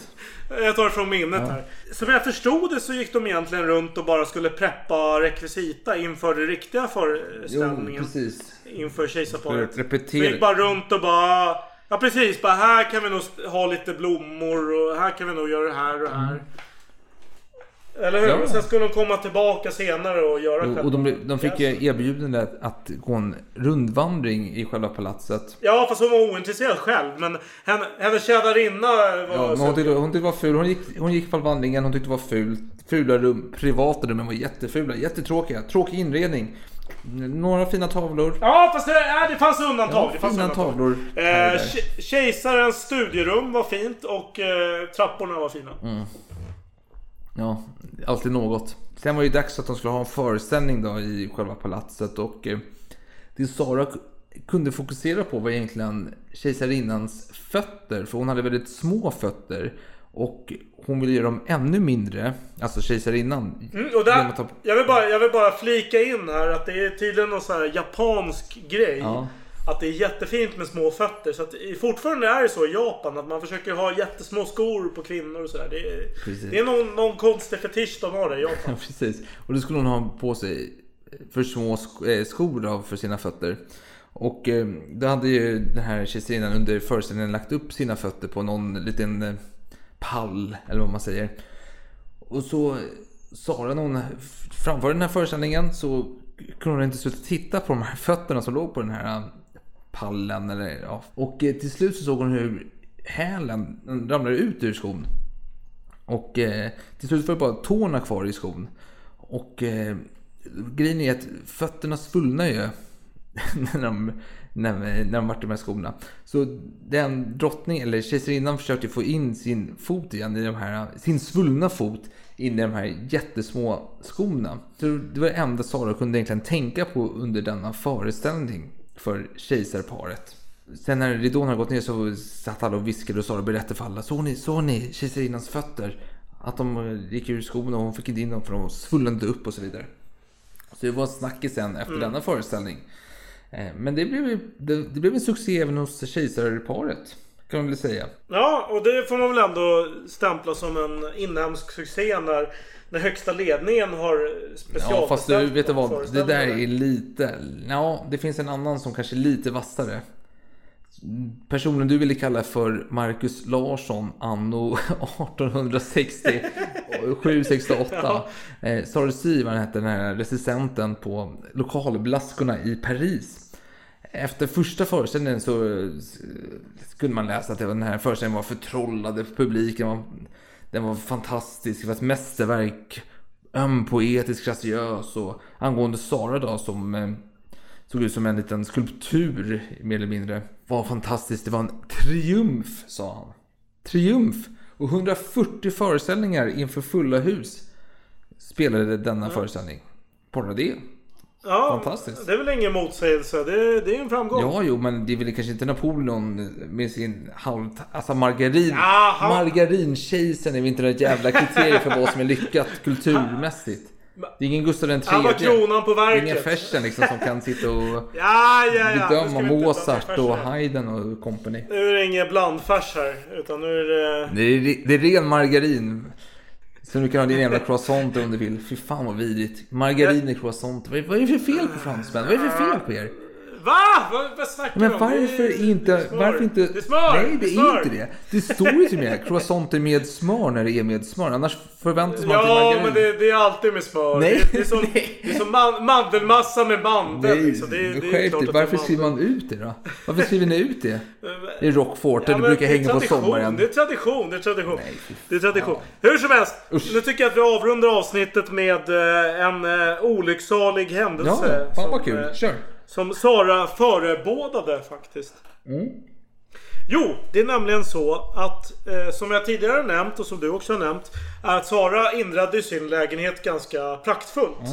Hon hade gott om fina grejer och hon spenderade ju friskt då. Eh, och hur de där pengarna kom till. Det låter vi lyssnarna fundera över. Men hur som helst, hon, hon eh, spenderade ju pengar och framförallt på sin lägenhet. Och eh, hon hade därför fått rådet från nära bekanta att eh, eldförsäkra det. För eld är ju alltid en eh, Risk. risk förstås. Det, så är det. Och hennes hushållerska fick i uppdrag att ordna det här med försäkringsbolagen. Ja, men ta kontakt med någon och ordna det här. Och då hade de stämträff med Sara en viss dag. Men just den dagen så kände sig Sara ganska nere så hon sköt upp det. Och sen hade hon eh, bestämt en ny träff med det här bolaget på en lördag där de skulle skriva på det här kontraktet. Men dagen innan dess, på fredagen, så var hon som ett vrak. Hon var helt hållös. Hon ville inte träffa någon överhuvudtaget. Och hon hade bara någon slags eh, olycksbådande tankar om vad som skulle hända. Undrar varför? ja, det kan man undra. Ja, jag har ett Eh, svar på det, men vi kör. och, och, ja, ja, absolut. Jag, jag fortsätter Ja, så får du ta, ta vid sen. Eh, men just tisdagar och fredagar var hennes lediga dagar. För då spelades bara så kallade standardföreställningar. Och Sara spelade ju nya föreställningar alla andra dagar i veckan. Så det här var hennes lediga dag. Och hon försökte skicka hem alla som ville henne någonting just då. Däremot samlade hon på sig en massa bekanta och bara snälla umgås med mig, jag mår dåligt, bla bla bla. Eh, och eh, under den här dagen eh, så hände någonting på kvällen. Det var att det ropades och skränades från gatorna. Det var någon som ropade så här. Det är eld! Det är eld! Saras reaktion på detta var att Ja men det rör inte mig. Jag, jag vet att någonting kommer hända här för mig. Så jag, jag, jag bryr mig inte om det som händer där utanför. Men så visade det sig att den här elden som folk skrek om. Det var nämligen från hennes egen lägenhet. Och då vaknade hon ju till. Och då hade hennes mormor då, som bodde i samma hus. Hon var blind. Var- Varför bodde hon i samma Varför bodde hon i De samma hade, hus? Vad fan heter det? det? Det var utbrott utav den här sjukdomen. Ja, nu har jag tappat det. Eh, smittkoppor, eh, tror jag det var. Eh, Aha, I hennes okej. eh, hem. Så hon, hon hade flyttat in till eh, Sara. Och Sara tog hand om henne en kortare tag. Men så ville den här mormor eh, som var blind stanna. Jag, jag vill bara nämna, mormor var ju inte hennes biologiska mormor. Utan det var någon som morfar hade gift om sig med. Efter att han hade avlat eh, typ hur många barn som helst med den Ja. tidigare. Jo precis, så Saras mamma eh, Joel hatade ju henne. Men eh, ja, dina fiender är mina vänner. Kanske så Sara resonerade lite. Sara tolererade den här kvinnan.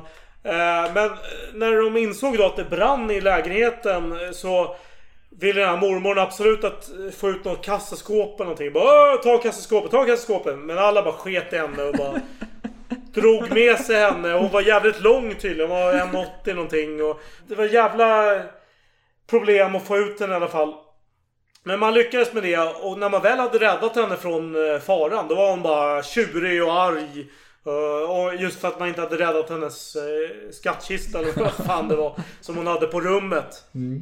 Och hon uttalade någonting som gjorde att Sara bara nej vad fan den här kärringen ska jag inte bry mig om efter detta. Helt klart. Men får jag stoppa det här Eh, lite? ja. Det får du göra. du nämner ju lite intressanta saker här. Hon ska skaffa en brandförsäkring. Men den dagen hon ska få den så sitter hon och är ledsen över någonting. Så hon kan inte ta emot det. Eh, och sen börjar hon emot två gäster. Eh, som heter Charles Hass och Arthur eh, Meyer. Eh, och de ska roa henne. Hon säger så här, stanna till midnatt för då kommer jag bli... Vid midnatt så kommer de här krafterna som håller mig nere släppa och då, då blir jag glad igen. Så stanna här är ni snälla. Och så vidare. Och de här Charles Hass och Arthur Meyer som räddar tillställningen. Det är egentligen Charles då som upptäcker att det brinner i huset. Han springer ut på balkongen. Han hör folk skrika på gatan och då ser han liksom fan det brinner här i vår våning. Och slår in dörrar hit och dit och fram och tillbaka. Men den här, vem är han egentligen? Är frågan. Denna Charles Hass. Jo, det är en framgångsrik man eh, av judisk börd som är, han är till och med vän med prinsen av Wales på den här tiden. Och eh, vi är alltså 1860-tal, prinsen av Wales, alltså det är kronprinsen till den engelska kronan som innehar den titeln. Det är, det är Charles som har den i dagsläget då. den evige tvåan. Eh, och jag, vad fan blir det Alex? Det är Edvard den sjunde va? Som var det på den här tiden. Ja, det låter bekant. Men nu när du säger Charles, då menar du alltså nutids-Charles. Alltså Elisabeth den andres Ja, precis. Men, ja, så vi inte blandar ihop korten här för Nej, nej, nej, förlåt. Nej, men förlåt, det stämmer. Förlåt, förlåt. Det var, det var, det var Edvard orutinerat av mig. Ja. Nej, men jag tror att det var Edvard den sjunde alla fall som var det på den här tiden som var prinsen av Wales. Så Han var ju vän då med Mm. Charles Hasta, den här Och- och- affärsmannen. Och, och prinsen av Wales är ju Storbritanniens Ja, kronprins. precis. Det är enkelt kronprinsen får den titeln. Det är del, motsvarigheten till delfinen. Om man säger så. Den franska Precis, delfinen. exakt. Eh, Men i alla fall. Han var ju en högbördig man ändå. Var med i många societetskretsar. Hängde med de fina folket. Och han hade då en kötslig affär med Sara. Eh, och enligt någon författare hävdar då att eh, Sara var en lägre klass för honom som man roade sig med. Medan man inte behövde hålla på med sina mer finare aktiviteter som man var tvungen att göra. Som kom med sin rang då, om vi säger så. Eh, Men Sara blev helt förälskad i honom. Förlåt, är det guilty pleasure? Är det termen du söker? Kanske, ja, men, ja det kan väl vara så här, men Lä, lätt, lätt, lätta på ångan. ja, det var, ja, det är ditt uttryck Alex, men absolut.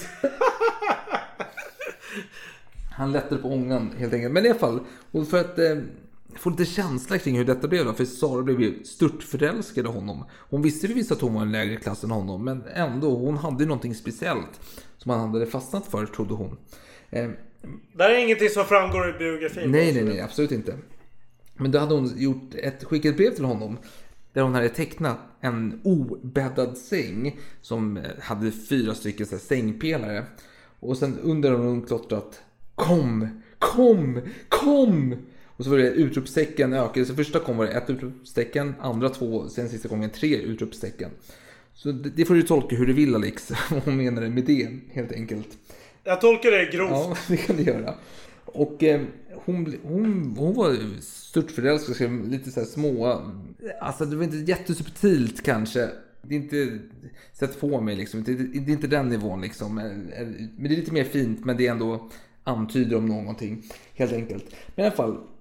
Eh, men den här eh, Charles Haas då, han var ju inte den som var trogen. Han hade ju flera andra älskarinnor. Till slut fick ju Sara reda på det tack vare eh, hennes andra vän som var med på kvällen det brann då. Arthur Meyer. Som var en publicist och, eh, ja, vad nu fan var. Publicist, journalist, något sånt där. Och eh, han förklarade för henne att Haas har flera andra kvinnor. Och då skrev Sara ett brev till Haas då. Charles Haas. Jag ska försöka översätta detta i realtid. Eh, det spelar ingen roll för mig, men det gör mig lite ledsen. Jag vet att jag blir löjlig. Detta är knappast tillfället för att få mig att skratta. Jag mår dåligt, mina lungor spelar mig spratt igen. Kom tillbaka så fort du kan, käre Charles. Jag längtar att träffa dig. Jag har alltid klängt mig fast vid min barnsliga vision om den ideala mannen. Jag trodde att jag aldrig skulle finna honom. Jag riskerade allt för att addera denna ovanliga blomma till min bukett. Och jag vill inte dö förrän jag har fullföljt denna önskan. Du ser, jag lever för kärlek. Och min fantasi är min vägledare. Det förklarar min nervösa melankoli. Jag har alltid hoppat att eh, finna mitt komplement. Men när jag gjorde det så visade han sig vara oärlig. Det är därför jag närmat mig dig, min Charles. Det är därför jag gav mig själv till dig. Det är därför jag älskar dig. Min hand, hela mitt väsen går ut till dig. Och den här mannen som hade svikit Sara då, det var ju den här prinsen som var far till hennes son då, Maurice. Eh, alltså, Ja, Ligny-prinsen precis, där precis. från- Hennes barn Maurice. Vad det nu Ja, var. precis. Men eh, Och det, det kan man ju misstänka att det är därför hon är, mår dåligt här. Det är därför hon inte vill ha besök av det här försäkringsbolaget. För att hon mår väldigt dåligt över detta uppbrott från Kjell Hasta. Och därför hon vill träffa honom och Arthur Meyer. Och så, ja, du vet, man plågar sig själv lite. Jag, jag, jag trodde först du hade lagt upp det som att det var ett försäkringsbedrägeri. Nej, nej det, det kan man tro. För hon, hon, anklag, hon anklagades nämligen för det. Men, men och det ska nämnas också att eh, alltså Hass gör ju slut på henne och säger nej men det blir ingenting mellan oss. Och eh, han betalar henne en summa också för att göra slut med henne och hon accepterar detta. Bara om, det, bara, om att, bara om det är ett lån, så att säga. Eh, men uh. däremot när lägenheten brinner där den där kvällen. Det är inte så att eh, den här forne älskaren Haas kommer in och räddar henne med lite pengar och sånt där. Det sker inte, utan han skiter i henne totalt. Rent ekonomiskt. Mm. Men, vänta. Innan vi går vidare. För det finns eh, en fråga, varför brann det? Vad var det som gjorde att det brann? Eh, och enligt Sara så är det väldigt enkelt. Det, troligtvis är det ju Saras eh, kammarjungfru, eller vad man säger, hembiträde Josefin som har ställt ljuset, ett levande ljus bredvid sängen på ett bord. Och eh, det här bordet har Sara sagt åt henne att hon aldrig får ställa ljuset på. Det får hon absolut inte göra. Men hon har upptäckt flera gånger att denna Josefin har gjort det trots allt. Och det här bordet är till för att eh, den här Josefin brukar ställa ett glas vatten och ett efterrättsfat med lite färska äpplen. Som Sara gillar. Mm, Sara gillade att snaska och jag på det, så hon, var, hon, var lite som Hitler faktiskt. För han åt ju också fruktkaka på natten. Jo, men det är lite... Jag tycker det är så otroligt intressant. Det finns någonting i att hon sitter och berättar en historia om vem, varför det börjar brinna. Och sen bara kör ett totalt sidospår om att hon brukar ha ett fat med äpplen, färska äpplen på sidan om sängen. Som hon äter när hon vaknar mitt i natten. Det, det finns någonting i den oh, totalt irrelevanta, smått ointressanta sidohistorien som ändå... Du försöker hitta någon poirotisk eh, förklaring? Nej, nej, nej, men jag tänker bara det, det, det finns en jävla charm i det hela. Att hon skriver ju här liksom, det är Josefin som är ansvarig för att det börjar brinna i min lägenhet. Men det här fatet med äpplen som jag äter på natten och hon skriver den här boken långt... Ja, men hon gjorde väl det? Hon skriver den här boken, fan vad är det, 40 år efteråt detta har skett. Ja, men hon har, hon har väl alltid ätit äpplen på kvällen. Det är ju jävligt udda, men hon är ju en udda person. Jo, men varför sitta och... Alltså, vad fyller det för funktion? Det är helt... Hon måste fylla ut sin bok. Ja, men hon fyller ut med alla jävla klänningar hon har på sig hela tiden. Det här är totalt irrelevant. ja, det här också. Det, denna fakta... Nej, men det tycker hon är jo men, jo, men den är irrelevant, men det, den har någonting som fyller mig med glädje. Att hon äter råa äpplen. Just den ja. historien, att hon värdesätter den så mycket att hon tar med den i denna historia. För det bryter ju av verkligen. Man är lite på spänn. Varför, var, varför börjar det brinna för? Varför börjar det brinna för? Varför börjar det brinna för? Jo, hon berättar nu. Jo, vänta, det är någon Josefin, någon, någon, någon biträde här som sitter och sätter ljus på ett bord hon inte ska. Och Sara säger åt den flera gånger. Men där, på det här bordet brukar hon ha ett fat med äpplen som hon äter på natten. Ja, men du, du får ju tänka så här, hennes publicist vill att hon ska komma upp ett visst antal ord för att det ska bli gångbart. Hon kanske var sponsrad av jävla äppelbolag. Vilken...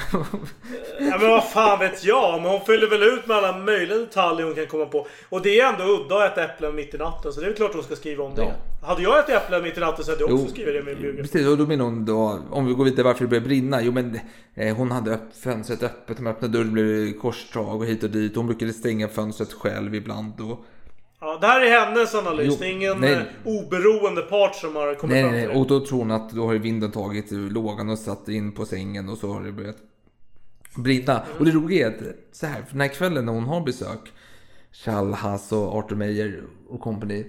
Då går hon upp till sitt rum och finner sin eh, biträde Josefin då ligga lite så här slö i sängen med handen i något glas med något vatten så här lugnande någonting. Och då frågar hon sig hur mår du egentligen?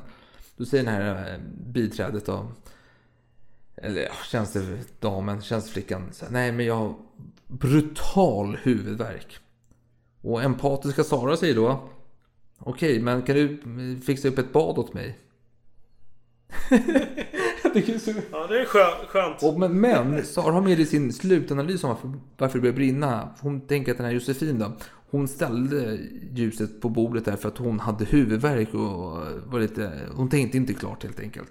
Men Sara i alla fall, hon blir då återbetalningsskyldig 40 000 franc. Precis, av eh, ja, de som hyr ut den här... eh, Nej, det, det är egentligen det här samma försäkringsbolag som hon skulle teckna försäkring hos.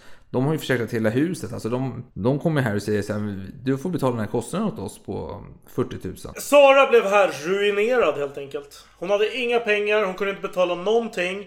Det var så illa faktiskt att eh, man föreslog att man skulle hålla någon slags eh, välgörenhetsgala för henne för att betala hennes skulder. Ja. Och, och det gjorde man ju då och det gick faktiskt bra. Hon hade ju någon eh, diva där som var med och sjöng. Hon var aristokratisk diva på något sätt. Och hon, hon lockade otroligt mycket människor. Jag kommer inte ihåg vad hon hette men hon var någon sån här hertiginna. Adelina Patti. Ja, men hon, hon sjöng tydligen väldigt vackert. Och det, det var en succé. Så, man, så Sara kunde betala sina skulder. Men hennes anhöriga, de började misstänka. Vad fan, var det där en försäkringsbedrägeri eller? Jag får ju nästan känslan av det. Så de frågade ut Sara lite. Men, Men då hade ju Sara sagt att vänta nej men... Defi- Jag har inte skrivit på någon kontrakt. Definiera Ja. anhöriga. Det är så att hennes eh, fars eh, notarien, han som har hand om hennes fars efter låtenskap, vad säger man? Hans dödsbo helt Mm. enkelt. Han kommer och besöker och, och läser tidningen och där har, han läst att det var ett försäkringsbedrägeri eventuellt. Ja men det är väl en anhörig, en jurist. Hon far. honom. Ja men, ja, men hon hatar väl alla Ja. säkert. Ja, ja, men hur som helst. Den där juristen eh, insåg det här. Bara, ja, ja, ja. Men det här, det här går nog att lösa. Nu eftersom vi vet att det inte är försäkringsbedrägeri. Då kan vi nog se till att få ut lite pengar till det. här. Var det alltså andemeningen? Mot en försäkring, 120 000 franc fick hon. Ja, och det är ju konstigt. Livförsäkring. Om du skriver på den här livförsäkringen får du en massa pengar. Det är inte det lite udda? Ja men ja, dör hon så känner han sig en hacka. Det är väl inte... Ja. Ja men jag förstår inte riktigt vad hon... Ja ja men hon... Och visst. Jag, jag kan väl betala för försäkring som du betalar för. Ja, hon Fine. fick ju ut pengarna i förskott ju. Hon fick ut pengar mot att hon skrev. Ja. Nej, Jag vet inte. Jo men livförsäkringen. Hon har ju inte pengar för att betala en jävla livförsäkring. Så jag antar att på något sätt så ingick det i hela dealen att så länge hon skrev på en jävla massa papper då får hon en massa pengar. Ja, hon fick ju 120 000 i förskott utan något jävla arv eller något sånt där skit. Mot att hon skrev på den där Ja. försäkringen som gav eh, täckning. Exakt. Och en försäkring är ju inte gratis. Nej, men- Och hon hade ju inga pengar. Det han som- Så att det är ju någonting udda. ja men exakt. Så han säger så här, jag kommer betala grejen. Om du går med på att jag betalar på, för det här, då kommer du få en massa pengar av mig. Ja. Är det inte det han säger? Mer eller mindre. Hon tycker att där, där, Ja, och då, där och då tycker hon att det är rimligt. Sen säger hon efteråt att med tanke på hur det gick för mig så var det lustigt. Detta. Ja. Okej. Det hade kanske inte behövts.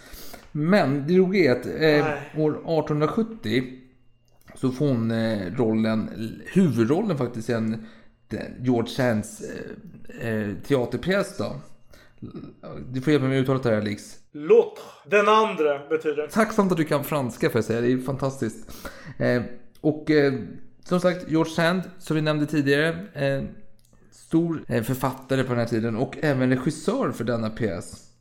Och eh, Sara pratar ju väldigt gott om denna Sand då, hela tiden. Det är fantastiskt, hon är underbar, hon är så trevlig, hon är fantastisk och Ja, hon berättar även om att hon är någon hjältinna i hennes egen kärlekshistoria och då kan man ju ifrågasätta vad det eller kan man ju fråga vad det handlar om. Och det finns ju någon historia om att den här Sand då, att, ja, det är jävla suspekt alltså. Eh, men hon var i alla fall i Venedig någonstans. Hon hade, hon hade sex med hennes älskares läkare medan hennes älskare låg i sängen och var sjuk bredvid. Eh, jag vet inte fan Okej. vad det står för. Ja, det Ja, jo men i alla fall. Som jag nämnde tidigare den här Sandy klappat Sara på kinden och varit lite trevlig mot henne och så där vidare.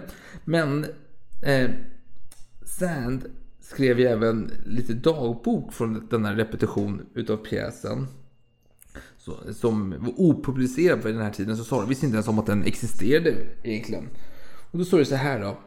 29 januari på repetitionerna Berton gjorde en ganska uppseendeväckande scen med Sara. Kommer hon bli lite trumpen imorgon? Frågetecken. 2 februari. Jag skällde ut Sara.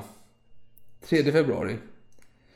Alla börjar komma överens ganska bra, förutom Sara. En fin flicka, men eh, extremt korkad. Den 5 februari. I många aspekter är Sara korkad. Men hon har en naturlig skärm. Den 9 februari. Sara och Berton frånvarande. Jeanne Bernhardt har har missfall. Då får vi reda på det också, att eh, Saras syster har fått missfall. Jaha. Eh, Vänta nu, Chan. Nu ska vi se. Var det hennes syster? ja, det är hennes... Eh, Ja, ja, det är ju Ja, favoritsystern. det är favorit... Eh, mo- moderns favoritdotter. precis, precis. Det var som Ja. fan. Hon var, inte, hon var inte så fin flicka som alla trodde. Precis. Den 10 februari. Sara låter oss alla vänta. Jag bryr mig verkligen inte om hennes syster. Hon har inte arbetat. Och eh, hon eh, tolkar sin roll som en stor slampa som hon är. Och Ja, slampa är kan eh, även... Det går att översätta till prostituerad. Nu- 14 februari. Jag är rädd att Sara är galen. Men alla säger att hon kommer klara det fint. Den 20 februari. All skådespeleri har förbättrats. Speciellt Saras. Hon skärpte sig efter mina mm, påtryckningar. Till sist har hon identifierat sig med den unga, ärliga och intressanta karaktären. Och det var ju det då. Nej men eh, Dupin då, som hon heter i verkligheten. Hon var ju faktiskt eh, besläktad med August den starke. Och Aurora Königsmark. Ja men vad fan, det, ja, det, det var hårt virke i den damen så att säga. Men i alla fall, eh, 70 är vi inne i och då sker någonting stort. I alla fall i Ferdinand Fochs liv. Det som fick honom att röka pipa längre fram i livet. Ja, och drömma mardrömmar. Dessutom. Det är ju fransk-tyska kriget för guds skull. 70-71. Och då helt plötsligt så ska alla romantisera detta och alla ska ut i krig och man jublar och man hurrar och man hejar på varandra när man går ut i krig. Och teatersalongerna töms. De flesta börjar helt plötsligt bli eh, fältsjukhus. Sara känner då eh, spontant att detta är väl inte något konstigt. Detta kan vi ju göra med Odeon också, Odeonteatern. Så hon ska ta kontakt här med eh, diverse människor. Och Då går man ju till polis, i något prefektet i något polisdistrikt. Vilket hon gör. Och hon är lite nervös. Men när hon kommer in i rummet så ser hon ett bekant ansikte. Kreatry. Kommer du ihåg honom? Nej, jag, nej, jag minns faktiskt inte någon kreativ. Jo, men det var ju han som hon hade ett förhållande med en, en stund. Han som eh, bjöd hem henne till hans mamma. För att hon skulle recitera massa romantiska... Ja, ja, dikter. Ja, precis. Romantiska dikter. Ja, ja, var det Husaren? Ja, precis. Husaren. Ja, men då minns jag, då minns jag ändå. Och då helt plötsligt så lättade hon lite. Men fan, detta är ett bekant ansikte för guds skull. Nu, nu mår hon genast bättre. Som säger så här, ja men fan jag behöver lite bröd, mjölk, kött, grönsaker, socker, potatis, ägg, kaffe. Och eh, tillstånd att öppna ett eh, fältsjukhus då, på teater. Och eh, Keratry då, han, han, han sitter och, jag misstänker att han sitter och fantiserar om forn, stora dagar med Sara. Så han säger ja till allting. Självklart jag fixar allt detta. Du får allting du begär. Och hon tittar då på hans eh, ja, rock då säger så här. Ja men vet du vad? Den här, den här rocken med pälskrage som du har där borta. Den vill jag ha till soldaten också som kommer in och är skadade. De behöver värma sig. Och då skrattar han där Keratry och ger henne den och säger så ja men jag hoppas du låter mig behålla min silkesscarf. Och då skrattar Sara så här, ja jag på nåder, jättekul. Och då helt plötsligt öppnar hon upp då eh, sitt fältsjukhus på Odeonteatern. Och eh, hennes kock får bli, bli kock där helt enkelt. Hon får massa gåvor från olika eh, kändisar. Rothschild eh, skickar massa lådor med vin dit. Eh, hon får massa smörleveranser, chokladleveranser och allt. Alla stora aktörer börjar sända massa gåvor dit. Men det finns ett Han måste ju vara på Dukenells och den här, vad heter han nu? Chili. Chili. Chili. Precis.